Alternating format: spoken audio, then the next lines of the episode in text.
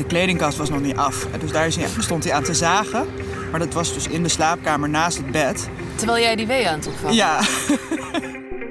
ja, echt meteen die eerste rug. En ik echt dacht, holy shit, dit kan echt niet. Ja. Ik zat met 7000 stukken maandverband in een netje, op een doekje, op nog zo'n padding. En ik zat in die taxi heel hard te gillen voor mijn gevoel. Wat is het toch vermakelijk om naar een goed bevallingsverhaal te luisteren? Of om er een te vertellen? Er zit spanning in, herkenbaarheid, angst, een vrij duidelijk plot kunnen we wel stellen. En vaak ook humor. Mijn naam is Lotte Schuurman en voor deze podcast spreek ik met verschillende vrouwen over hun bevalling. Op de plek waar de baby werd geboren en altijd met goede afloop. In deze derde aflevering alweer laat Sophie zien je ondanks een weeënstorm toch best de regie een beetje kunt terugpakken. Terwijl haar vriend Simon doorgaat met figuurzagen, klapt ze zelf met 6 centimeter ontsluiting nog even slaapbank uit. Twee centimeter later strompelt ze van drie hoog van een smalle Amsterdamse trap af, de taxi in, oh de schaamte, om vervolgens maar te wachten op een beschikbaar medisch team. We zitten hier in het Oosterpark, vlakbij het OLVG in Amsterdam-Oost. En hier beviel Sophie alweer 15 jaar geleden van haar oudste dochter. En we hebben hier nog net uitzicht op het eh, ziekenhuis, omringd door eh, hardlopers, joggers. Kun je eens vertellen hoe de bevalling begon thuis? Uh, ja. Um, het begon, ja, de bevalling dat hij echt begon was. Werd gewoon s ochtends vroeg wakker. Ergens om een uur vijf of zes of zo. En uh, ik dacht, ah, ik heb wel buikpijn. Zou het zover zijn, want ik was best wel lang al over tijd. Dus um, toen heb ik een tijdje liggen voelen en uh, ja, het kwam en ging. Dus ik dacht, nou, dat zou best wel eens kunnen zijn. Maar ik had natuurlijk heel goed die boekjes gelezen allemaal. Dus, uh, en dan staat altijd van, nou, ga maar gewoon weer slapen, want het wordt nog een lange dag. Dus ik denk, nou, oké, okay, ik ga weer slapen. En gek genoeg ben ik ook gewoon echt weer in slaap gevallen. dus toen, ik heb niet eens Simon wakker gemaakt. Ik ben gewoon weer gaan slapen. En ik achteraf denk, nou, best een coole actie. En toen werd ik om een uur of tien volgens mij weer wakker. En toen was het wat ja, was het ietsje duidelijker. En toen heb ik wel Simon wakker gemaakt. Hebben volgens mij nog even doorgeslapen zelfs. en uh, ja, zo is, het, zo is het begonnen. Ja. Dus je was goed voorbereid? In die zin was ik wel goed voorbereid. Ik had wel alles gelezen wat er te lezen viel. Maar ik had geen één cursus gedaan. Oh, uh, bewust? Nou, ik, ik, had um, denk ik twee uh, zwangerschapsyoga-lessen gedaan. En ik vond het allemaal zo verschrikkelijk. Dat uh, softe, zweverige gedoe. En ik had sowieso wat weerstand tegen, het, uh, tegen de plotselinge gender extreme waar je in geduwd werd als zwangere. Dat ik, nee, dat... Oké. En de bevalling begon, dus best wel rustig eigenlijk. Weer in slaap gevallen. wanneer ging het hek van de dam? Um, nou, Simon was eerst nog een boodschapje gaan doen en ik was nog achter de computer een klus aan het afmaken en, um, en de adressen voor de geboortekaartjes of zo aan het doen. En toen kwam hij terug met koffie en gevuld speculaas. En ik dronk een paar slokken koffie en ik at zo'n stukje speculaas. En voor mijn gevoel gaf uh, het kindje toen een schop in mijn buik. Um, nou, ik weet niet of het echt zo is, maar veranderde in ieder geval iets in de positie, waardoor ik opeens rugweeën kreeg. En um, toen werd het echt, uh, ja, werd het opeens zo heftig. Daarvoor dacht ik echt, oh, dit kan ik wel aan en nou, zo, dit trek ik wel. Het kan ook nog wel tien keer zo erg worden, trek ik het nog steeds wel. Maar toen die rugweeën begonnen, toen dacht ik echt, nee, dit, dit is niet grappig. Gelijk? Ja, meteen. Ja, echt meteen die eerste rug. En ik echt dacht, holy shit, dit kan echt niet. Ja. En wat heb je toen gedaan? Ja, eerst geprobeerd om dat op te vangen. En ik geloof ook wel de verloskundige gebeld. Maar die vond het nog niet heel nodig om meteen te komen. Of die is wel even komen kijken, maar weer weggegaan, zoiets.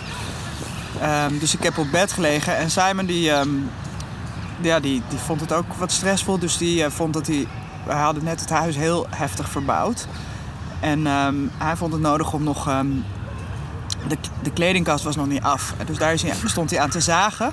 Maar dat was dus in de slaapkamer naast het bed. Terwijl jij die wee aan het opvangen? Ja. dus, en ik vond het ook dat ik dat maar moest kunnen hebben. Maar op een gegeven moment trok ik het echt helemaal nu. En zei ik, alsjeblieft stoppen nu? Toen Was is het zijn manier om daarmee om te gaan? Of dacht hij echt van, ik moet dit echt nog even afmaken? Nou ja, ik denk dat, dat hij dat echt dacht. En hij kon ook moeilijk altijd stoppen met klussen. Maar ik denk ook dat het een soort stress was van... shit, het is nog niet af en er komt een baby en het moet nu af. ja, dus dat was... eh, nee, dat was... Ik, ik zie het nog voor me dat hij daar stond met die... Hij moest met de figuurzaag soort rondjes uit die deurtjes zagen. En, en ik, op een gegeven moment had ik echt enorm behoefte. Ik weet niet of ik het gedaan heb om hem echt verrot te schelden. Maar in ieder geval moest hij toen van mij stoppen. En toen, heeft hij, ja, toen, is, toen was het ook wel denk ik tijd dat de verloskundige weer kwam. Dat is wel een surrealistisch eh, beeld. dat jij daar zo die wee aan het opvangen bent en hij aan het figuurzagen is. En intussen kreeg ik eh, de hele tijd sms'jes. Dat waren sms'jes toen nog. Van eh, een vriendin van mij. Want ik zat in het bestuur van ehm, GroenLinks Amsterdam. En ik, had, ehm, en ik was de voorzitter van de kandidaatcommissie voor de lijst voor de gemeenteraadsverkiezingen. Oké. En de vergadering waarin de eh, kandidaten gekozen werden was op dat moment. En dus die vriendin die stuurde mij steeds sms'jes met die op 15 en dan die op 14. En het was heel grappig, want naarmate we dus hoger op de lijst kwamen, nam mijn interesse af. Omdat die weeën natuurlijk ook intensiever werden. Dus op een gegeven moment heb ik echt die telefoon opzij gegooid. Zo van, ja, rot op met je kandidatenlijst. Terwijl ik in het begin was het nog wel een goede afleiding. Ja. Ik weet wel dat ik op een gegeven moment dus ja, eigenlijk vanaf die rugwee dacht van nou, dit is niet meer leuk. Maar ik was wel heel optimistisch. Ik dacht van nou, oké, het gaat eigenlijk goed. En we hadden ook helemaal niet afgesproken of ik thuis zou bevallen of in het ziekenhuis. Dat gingen we gewoon op het moment zelf wel zien. Dus ik dacht, nou, als het zo gaat, dan, dan ga ik gewoon thuis bevallen. En dan eh, nou, wordt het gewoon, eh, zoals ik het had bedacht of zo. Ja, ik, had, ik weet niet, ik had er niet heel erg een beeld bij. Maar ik had, ik had wel een optimistisch gevoel over. Ja.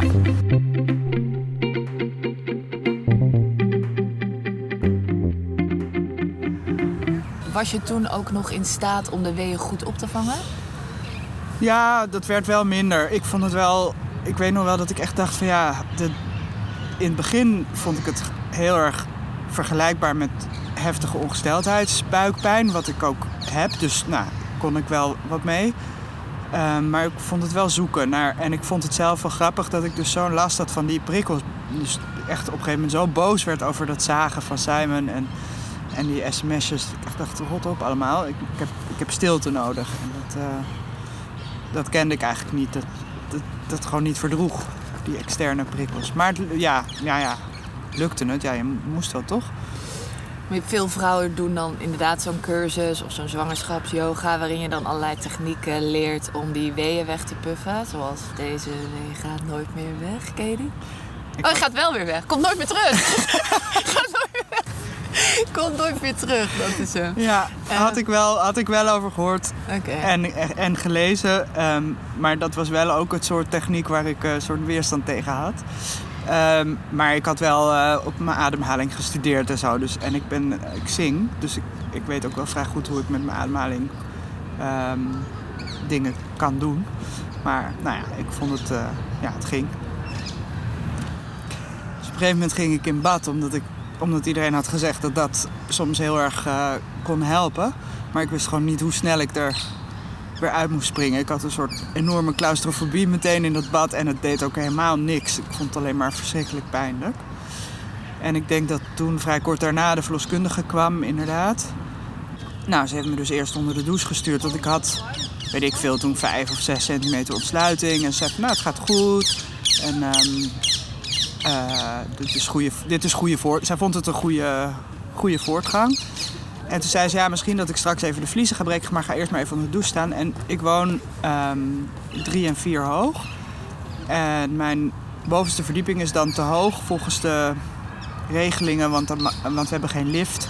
Alleen maar een heel smal trappetje. Ja. Dus daar mocht ik niet bevallen. En, eh, en daar is wel mijn slaapkamer. Dus dan mocht ik wel bevallen in de woonkamer. En Oh, daar hadden we een, ehm, een eh, slaapbank staan. Dus eh, ze zei, nou, ga, ga jij maar even naar boven. Dan gaan wij even de eh, slaapbank klaarmaken. En ehm, ik weet nog heel goed dat ik weer beneden kwam van onder de douche. En dat, dat Simon en de verloskundige daar stonden een beetje achter hun oren te krabben omdat ze dat ding niet uitgeklapt kregen. en, en ik had toen best wel veel snel achter elkaar die weeën. Maar toen heb ik dus tussen de weeën door nog die slaapbank uitgeklapt. Oh. Omdat, ja, het was helemaal niet moeilijk, maar ze konden het gewoon niet. Met 6 centimeter ontsluiting. Ja, zoiets, ja. Oh. dat was mij niet gelukt, denk ik. Nee, ik had wel een enorm triomfantelijk gevoel erbij. Dacht echt, stelletje sukkels. Zei waarschijnlijk zelf ook, of niet? Eh, zij voelde zich best wel sukkels, ja. Ze moest ook wel lachen. Ja, En daar ben je toen op gaan liggen. daar moest ik toen op gaan liggen. En toen heeft zij eh, mijn vliezen gebroken. En toen ging het eigenlijk allemaal heel snel. Want daar zat dus, eh, toen zat er meconium in het vruchtwater. Oh. En eh, dus toen moest zij, ze, zij bleef heel rustig natuurlijk, zoals dat is met een verloskundige. Maar het zei ze wel, nou nu moeten we naar het ziekenhuis. Maar door dat stuk maken van de vliezen had ik gelijk wel 8 of 9 centimeter ontsluiting. Dat ging echt heel hard toen, dat voelde ik ook. Dat was in één keer zo baf. Een soort, ja, alsof er iets los... Ja, dat is natuurlijk ook zo. Er wordt ook iets losgemaakt. Nou ja. Dus toen moesten we naar het ziekenhuis en... ehm, dat vond ik wel een verbazende ervaring. Want eigenlijk zit er dan een soort enorme haast wel Ja. bij. Ehm, maar dat laat die verloskundige natuurlijk niet merken. Want die wil geen paniek. En dan moet je toch met de taxi gewoon naar het ziekenhuis. Want ja, Oh, je gaan- kon niet even met haar meerijden. Nee, dat mag geloof ik niet. Dat is dan onverzekerd of weet ik veel. In ieder geval. Maar op dat moment ging, ging mijn telefoon. En dat was die vriendin die dus de hele tijd sms'jes had gestuurd. En dus al een hele tijd geen sms'je meer terug had gekregen van mij. En zich een beetje zorgen begon te maken. En, ehm, en Simon nam die telefoon op. Terwijl we dus eigenlijk met onderdrukte stress... eh, wat ik wel wist, want ik had me dus goed ingelezen... maar wat Simon zich niet realiseerde... Dus hij ging heel uitgebreid met die vriendin praten. Terwijl die verloskundige en ik daar best wel een beetje stonden van... we moeten nu. En ik ook echt gewoon inmiddels gewoon één grote wee had zonder pauze.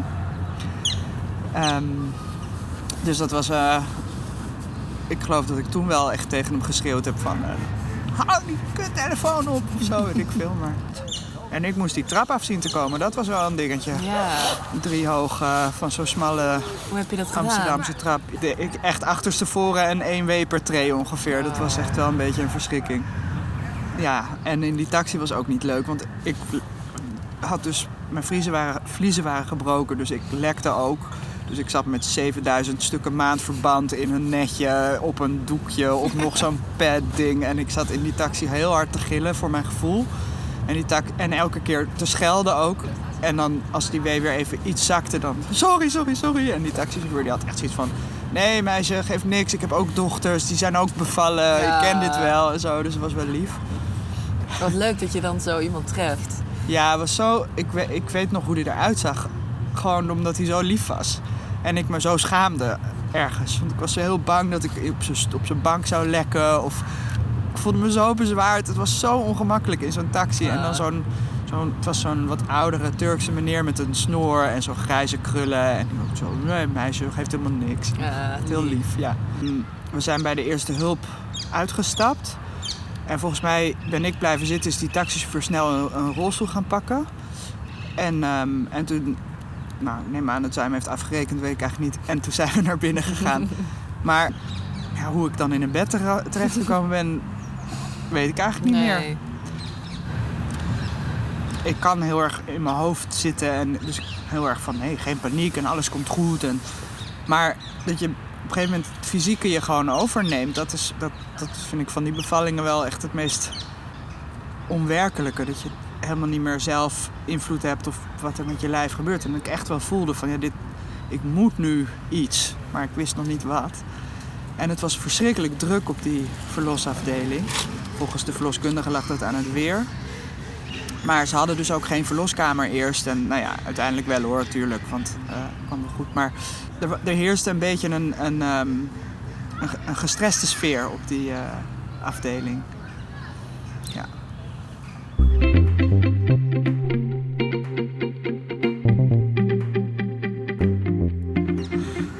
En toen mocht er geperst worden. Nou, geloof heel eventjes, maar toen moest ik meteen weer stoppen. Want eh, ze hadden zo'n hartslagding om mijn buik gebonden. En eh, toen bleek dat het kindje eh, een beetje last had van de weeën. En die had uh, deceleraties, dus dat het hartje langzamer gaat kloppen tijdens de, tijdens de weeën. En, um, dus toen, en dat werd erger als ik perste. Dus toen moest ik, moest ik stoppen met persen. En in een andere positie liggen en dan kijken of het beter werd. Maar er was dus het was heel druk op de afdeling en die gynaecologe die was echt als een gek heen en weer aan het rennen. En er was geen verloskundige aan mijn bed. Behalve mijn eigen verloskundige, maar die mocht, die was, ik was overgedragen aan het ziekenhuis. Dus zij mocht niks meer zeggen. Niks meer, zeg maar, officieel niks meer zeggen. Dat, was, ik, dat herinner ik me echt als een verschrikkelijk naar moment. Ik lag in een soort, het was een beetje stille, ja natuurlijk, die kamer was stil. Maar ik lag aan, zo'n, aan die monitor en zag er dus niet zo goed uit. Maar er heerste een soort onheilspellende stilte. En dan af en toe kwam er iemand binnenrennen en dan iets zeggen over de toestand. En, en Simon die had een soort zich gefixeerd op, die, uh, op dat apparaat. Met die, uh, met die, dus die monitor. Dus ik had twee banden om één voor mijn weeën en één voor de hartslag van het kindje. En nou ja, op zich was het wel fijn, want ik had inmiddels dus. Ik kon eigenlijk niet meer zo goed onderscheid maken tussen wel of niet een wee. En hij zag het op de monitor, dus hij zei de hele van nu komt er weer een wee en zo. En dan kon ik me een beetje voorbereiden. En, um, maar ik mocht dus niet persen. En ik herinner me dat, dat ook nu ik erover praat, het voelt echt nog steeds als een soort, als een soort uh, zwart uh, paniek. Dat ik, ik moest gewoon persen en het mocht niet. En, en het was eigenlijk niet te doen. En, um, en wij zagen dus dat het op een gegeven moment gewoon weer goed ging met dat hartje. En ik lag op mijn zij. En, um, maar er was niemand om te zeggen dat ik weer mocht gaan persen. Want het was gewoon te druk. Dus, er, dus, de, en dus we hadden de verloskundige naast mij, die had dus wel op het knopje gedrukt. Van, want die zag dat natuurlijk ook en die wist wat het betekende. Maar die mocht dat niet tegen mij zeggen. En er kwam gewoon niemand. En ik lag echt in een soort van hel, voor mijn gevoel. En toen... Um, toen, uh, dat was echt een moment dat ik ook wel eigenlijk heel, zelfs op dat moment nog best wel trots was op Simon. Want die zei toen van, nou, maar als je het nou wel mocht zeggen, zei hij tegen die verpleegkundige, wat zou je dan nu zeggen? En toen zei ze, nou, als ik, als ik de baas was, dan zou je nu mogen persen, maar ik mag het niet zeggen. En toen zei ik zelf, ik begreep wat zij me bedoelde, toen zei ik, nou, maar ik kan het gewoon beslissen. En toen ben ik gaan persen. En toen wisten die mensen van buiten ook niet hoe snel ze weer binnen moesten komen rennen. Dus um, toen hebben we het eigenlijk zelf vlot getrokken, het proces. En uh, dat was wel fijn. Ik ben er nog steeds eigenlijk heel tevreden over. ja, ik was eigenlijk, het was gewoon heel naar dat ik daar lag. En, en ik, ik had helemaal geen zeggenschap meer over wat er gebeurde. En ik, en ik mocht dus iets niet wat ik heel erg voelde dat moest. En wij zagen dat het gewoon goed ging weer met die baby. En de verloskundige die naast me zat en die, en die wist hoe het moest, die vond ook dat het weer goed ging met de baby. Maar wij mochten dat dan niet beslissen. En toen dacht ik, ja, maar ik mag dat wel beslissen. Het is mijn baby. En het is mijn lijf. En ik ga dat gewoon nu doen. En het grappige was dus dat toen die, die gynaecoloog ook meteen weer naar binnen kwam rennen en allemaal verpleegkundigen. Dus ze waren er wel, ze kwamen gewoon niet omdat iets anders belangrijker was. Ja, dus het ook nu nog denk ik van nou, we hebben gewoon de regie weer een beetje, heel klein beetje teruggepakt. En dat uh, voelde toen ook al heel goed. Ja. Nou, ik mocht toen inderdaad gaan persen. En, en ik lag nog op mijn zij, want dat, dat trok dan de baby het beste. Dus ik, eh, iemand hield mijn been omhoog en nou ja, dan maar zien dat je die baby eruit krijgt. Het was niet echt een heel gemakkelijk uh, proces.